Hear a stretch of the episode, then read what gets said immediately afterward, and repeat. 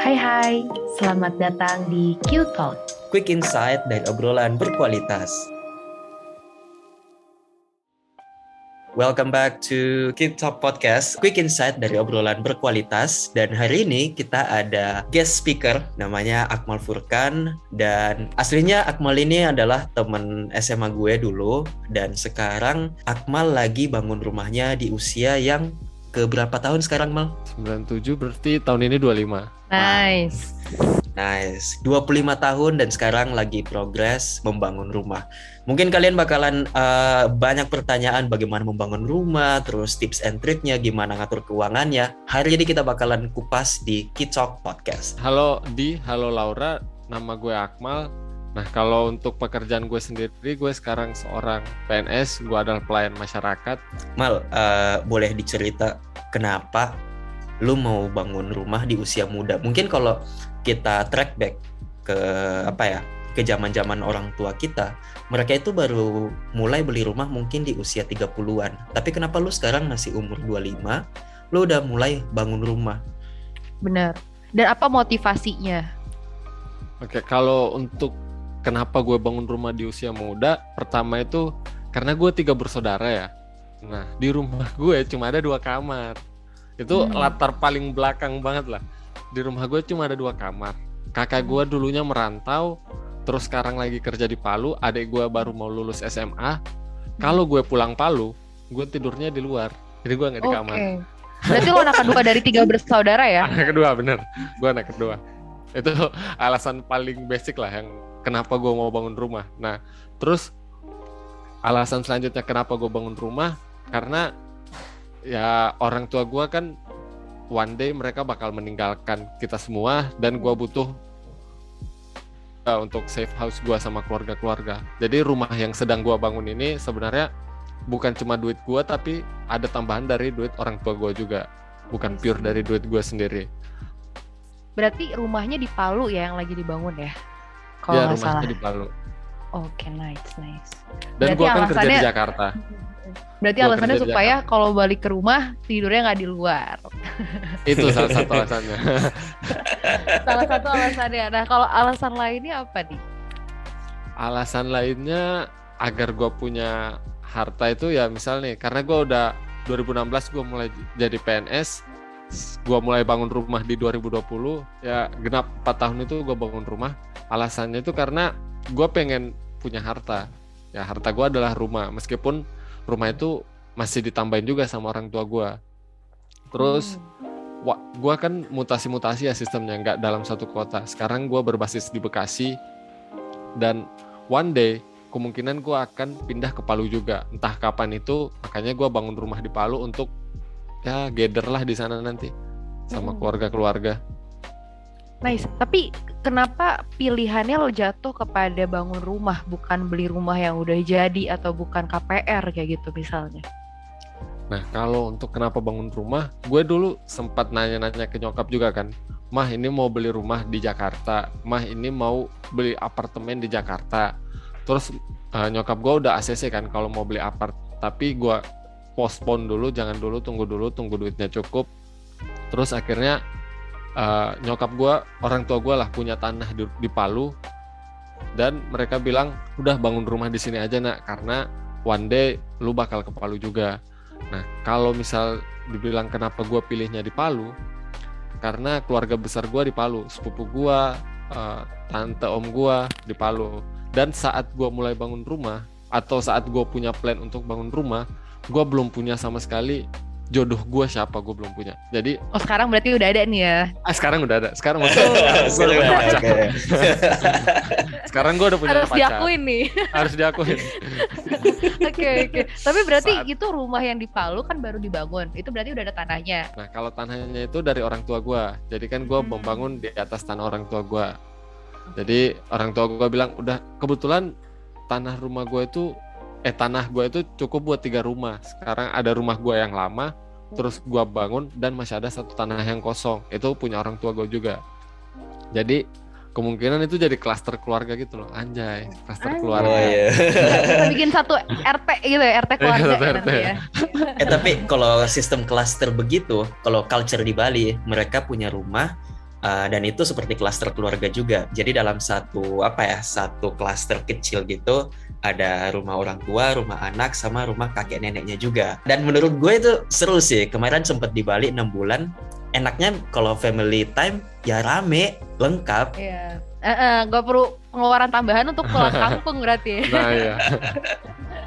I see, I see. Berarti berarti tadi kalau kenapa pilih bangun rumah itu berarti kayak hasil rembukan dari keluarga ya sama orang tua Yeah. terutama. Nah, mungkin yang menariknya adalah kan Akmal ini kan usianya mungkin kurang lebih sama kayak kita kali ya dia, Yeah. yang kayak Yeah, yeah. 20-an something gitu 20-an kan. lah.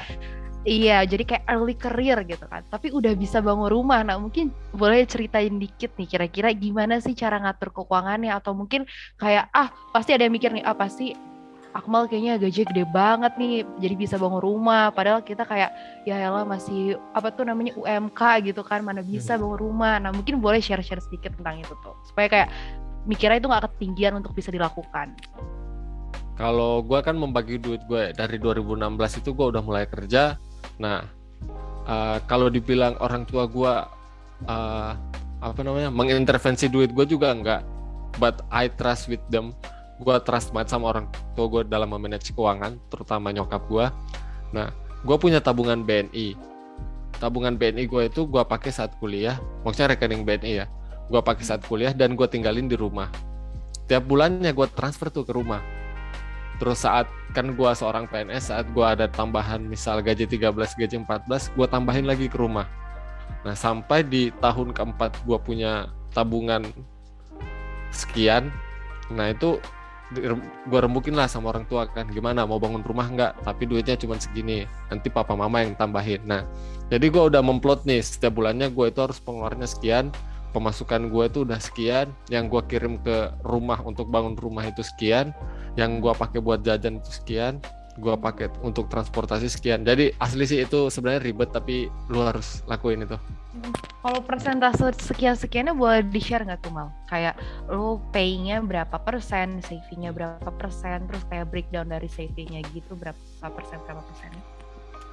gua pernah nyoba itu ada sistem 4321 tapi gue cuma bertahan beberapa bulan pakai itu 40%, 30%, 20%, 10%. Tapi kalau yang Hmm. sekarang gua terapin itu gua ngirim ke rumah sekitar 40% dari penghasilan gua. Hmm. Wow. Jadi itu untuk bangun rumah, pure untuk bangun rumah. Tapi rumah gua nggak cash sebenarnya. Itu ada utang bank juga. Hmm. Terus Oke. sisanya 20%-nya gua buat makan sama transportasi gua untuk ke kantor. Terus sisanya gua buat nabung buat tiket pulang karena tiket pesawat mahal dari Iya, Jakarta iya. ke Palu. Mal, berarti kalau untuk lifestyle lu sendiri nih, lu ngejalanin frugal lifestyle apa masih normal-normal aja dari sudut pandang lu? Ah, kalau menurut gua sih gua middle lah, tengah-tengah. Oke. Karena Lumayan dong. Eh Buat yang belum tahu frugal lifestyle mungkin dijelasin dikit dulu nih. ayo jelasin dikit. Oke, jadi frugal living tuh sebenarnya kalian living below your means. Living below your means maksudnya kalian misalnya udah ada data nih, dalam sebulan pengeluaran kalian sekian juta. Nah, kalian coba potong let's say biaya transportasi kalian kurangin, terus biaya makan yang biasanya kalian makan di cafe atau di resto kalian kurangin jadi makan jajanan kaki lima aja. Nah, itu salah satu konsep frugal living. Jadi kalian living below your means, hidup di bawah standar pengeluaran bulanan kalian. Sebenarnya hemat hemat sama pelit itu beda tipis, coy. Oh iya. Gua fine line ya. Cuma ada garis line. tipis. Ada tipis banget karena gue punya temen dia kita bilang dia bukan hemat tapi dia pelit. Tapi emang duit dia banyak tabungan dia banyak. Nah kalau untuk gue sendiri gue hidup normal ya kalau misal gue mau jajan-jajan misal mau go food gue go food. Kalau diajak nongkrong gue gue ikut nongkrong juga. Tapi kalau untuk membeli barang-barang branded sebenarnya gue nggak begitu concern ke sana ya karena gue mostly gue membeli barang sesuai kebutuhan. Misal gue beli handphone gue beli laptop sesuai kebutuhan gue juga. Dan kadang memang ada kayak ke distract sama lingkungan. Misal beli inilah biar bagus coy. Atau enggak beli eh lu nggak upgrade iPhone lu. Terus gue kayak wah. Eh pengen sih upgrade tapi ya tergantung kebutuhan juga. Karena mungkin dengan ini gue masih bisa mencukupi juga kebutuhan-kebutuhan gue oh iya di sini gue punya ini celengan target. Itu targetnya apa aja tuh mal? Ini celengan target itu kalau ini gue buat masa depan. Wow. Nabung untuk masa depan. Terus kalau ini untuk bayar UKT. FYI gue sedang kuliah. Bayar UKT. Oh, I see. S2 ya berarti? Enggak, D3. Gue Oh, nih. dulu nah, terus ini 25 juta targetnya. Kalau ini Hmm. 6 juta. Wow. Oh, berarti Jadi itu udah gue upload. itu untuk yang bayar ma- buat masa depan kira-kira targetnya sampai kapan itu nabungnya? Sampai batas waktu yang gak, gak gue tentukan juga ini masa Oh, depan sampai kapan. Yang penting ini tercapai. Karena gue udah di umur segini dan you know lah di lingkungan-lingkungan sekarang yang marriage is a Quite a lot ya. ah, quite a lot. orang-orang lingkungan gue udah yang marriage yang marriage semua and I want that Eh, berarti lu mal udah ada target jangka pendek sama jangka panjang ini. Kalau jangka pendek untuk bayar UKT 6 bulan, and then untuk yang jangka panjang itu untuk masa depan ya lu nggak target berapa tahun, yang penting konsisten aja Mm, untuk yang penting konsisten Benar-benar. Oke. Berarti oke. berarti kalau balik lagi ke yang tadi persentase persentasenya masih 40% pokoknya murni buat ditransfer buat bangun rumah dan 60-nya itu dipakai diputerin ya. ya Tapi kalau dari 60% itu ada yang masih buat lu investasiin lagi nggak? Atau kayak itu ya udah investasinya murni buat ke rumah aja dulu. kalau investasi gue masih punya juga. Gue sistemnya gue nabung saham. Nah jadi Hmm. kalau gue punya duit lebih gue tabung di saham. Dan sekali lagi entah kapan gue ambilnya di saham gue nggak tahu juga. Terus gue ada investasi di emas juga gue pakai peluang. Nah di situ lu bisa kontrol berapa emas gue transfer juga untuk peluang tapi nggak tiap bulan. Terus ada juga di kripto. Tapi ya emang instrumennya banyak sih tapi modalnya dikit-dikit aja karena gue lagi fokus bangun rumah juga. Hmm. terus Oke. gue punya mandiri tabungan rencana juga. Itu kan kalau mandiri tabungan rencana oke gue nggak disupport sama mandiri ya tapi Tadi nyebut BNI sekarang mandiri nih nggak ada nggak ada support oke, ya. gue bukan brand ambassador. Terus kalau Oke. mandiri itu gue punya mandiri tabungan rencana. Nah itu di mandiri tabungan rencana kita bisa buat jangka waktu misal tiga tahun dan besarannya berapa gue juga pakai itu Wow. Masih dan kepotong secara otomatis ya eh, tiap bulannya. udah kepotong jadi kalau dibilang eh, hedon gimana gimana gue mau hedon udah kepotong coy Auto kepotong ya. Potong kepotong soalnya. I see, see. I see. Wow, wow. tapi tapi mungkin Gokil sih. kayak kebanyakan anak-anak usia kita yang kayak masih early career pasti bertanya nih ah pasti nih Akmal gajinya gede banget nih. Kalau saya kan masih UMK gitu kan. Itu gimana tuh mal? Jawabnya mal. Kalau gaji gue itu masih di bawah 10 juta dan di atas UMK Jakarta. Kayak itu Hmm, range-nya segitu. Jadi gue nggak tinggi-tinggi banget gaji gue berarti bukan kayak terlalu mind blown gitu ya gajinya tapi kayak udah bisa bangun rumah dan bisa punya banyak produk yang diinvestasiin which is really Hmm. good dan bisa jadi role model yang bagus sih buat kita kita anak muda yang masih Iya, iya. baru ya berapa tahun kerja lah gitu kan ya ya Gue ini itu sih. tergantung goals gue Hmm. Oke. Jadi, misal lu mau goalsnya apa ya lu harus achieve goals yang lu inginkan itu I see. I see. Kalau gue ingat ini sih quote always start small. Jadi ya nggak apa-apa mulai dari hal yang kecil aja dulu. Yang penting konsisten. mulai aja dulu ya Iya, mulai aja dulu. Eh, habitnya udah kebangun, lama-lama malah merasa kayak bersalah kalau nggak ngelakuin itu, merasa, merasa bersalah kalau nggak nabung, nggak invest segala macemnya. Oh ya mal, eh, mungkin ini sebagai closing ya. Apa sih pesan lu buat teman-teman yang denger ini yang mau membangun rumah di usia muda biar nggak kalap atau mungkin cash flow-nya terganggu? Uh, kalau saran gue sih lu harus mendata dulu nih lu pengeluaran lu berapa. Misal jajan lu berapa uh, transportasi lu berapa itol lu berapa terus makan keseharian lu berapa lu data per harinya gua menggunakan aplikasi nama aplikasinya dompet. Lu bisa data. Berbayar nggak tuh? Enggak gratis kok. Jadi lu bisa data nih pengeluaran lu berapa pendapatan lu berapa. Misal di awal bulan lu dapat gaji ya udah lu langsung input di situ. Misal tiap hari lu makan keluarnya berapa ya udah langsung input di situ. Emang agak ribet sih tapi meluangkan waktu sekitar ya nggak nyampe semenit lah lu ngitung-ngitung oh tadi pagi makan apa ya tadi siang makan apa ya. Atau transaksional bisa juga misal lu habis makan ya udah catat habis makan catat nah kalau saran gue kepada yang lainnya itu misal lu harus memplot bener-bener goals lu.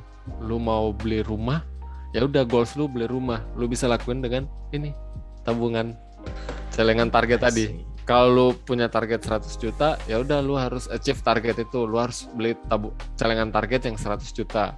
Terus kalau misal kenapa gua nggak KPR? Karena kan banyak nih anak-anak muda udah punya rumah, banyak temen gua punya rumah banyak. Tapi eh bukan tapi sih. eh, mereka itu KPR sistemnya. Jadi seperti 15 tahun, 20 tahun. Mhm. Kalau menurut gua selagi gua mampu sekitar lima tahun aja, gua bakal milih lima tahun sih karena bank itu kejam. Kalau menurut gua ya, ini in my opinion doang. Kalau bank itu kejam karena bunga itu fluktuatif dan saat lu KPR lu akan diberikan eh, dibilang tiga tahun bunganya flat. Terus saat selanjutnya selanjutnya lu akan dibilang mengikuti suku bunga. Tapi it doesn't mean suku bunga itu masih dalam range gaji lu. Oke, jenjang karir emang ada, tapi it doesn't mean coy. Lu bisa aja kemakan kelilit utang dan terli- terlilit sama utang itu tadi. Terus kalau saran gua mending bangun rumah selagi orang tua lu misal uh, middle lah, mereka misal punya kerjaan juga dan lu juga udah punya kerja yang lumayan, mending lu tentuin goals dulu. Rumah itu harganya bakal naik kok. Jadi kalau lu bangun sekarang atau beli sekarang lu bisa jual uh, tahun 10 tahun mendatang juga masih cukup. Keren sih. Banyak variabelnya, uh, pertimbangannya banyak, tapi sangat applicable buat teman-teman yang dengar dan hopefully yang dengar ini jadi merasa kalau membangun rumah itu di usia muda sebenarnya nggak sulit-sulit amat asal kita punya target dan kita komit sama target itu. Betul. Kalau closing statement sih gue menganut yang uh, no matter how slow you walk as long as you keep walking. Udah, lu nggak apa-apa lu tabung seribu, lima ribu, sepuluh ribu, dua puluh ribu, lima puluh ribu, seratus ribu, nggak apa-apa dikit-dikit lu tabung. As long as you keep walking, udah bakal jadi tuh. Jalan terus aja. Small Wow. steps matters ya. Intinya nggak ada yang kayak mau masalahin masalah gede atau kecil yang penting keep on going aja ya, keep on walking. Ya. Benar-benar. Wow. Keren, keren. Thank you so much Akmal udah bagi-bagi tips and trick buat kita-kita Hmm. semua yang mau bangun rumah dan pertimbangannya segala macam. Semoga ini bisa bermanfaat buat kalian semua. Quick talk, quick insight dari obrolan berkualitas. Sampai jumpa di episode berikutnya bersama gue Siap. Edi dan juga Gue Lara. Siap. Thank you Thank banyak. thank you. Thank you. Laura. Iya.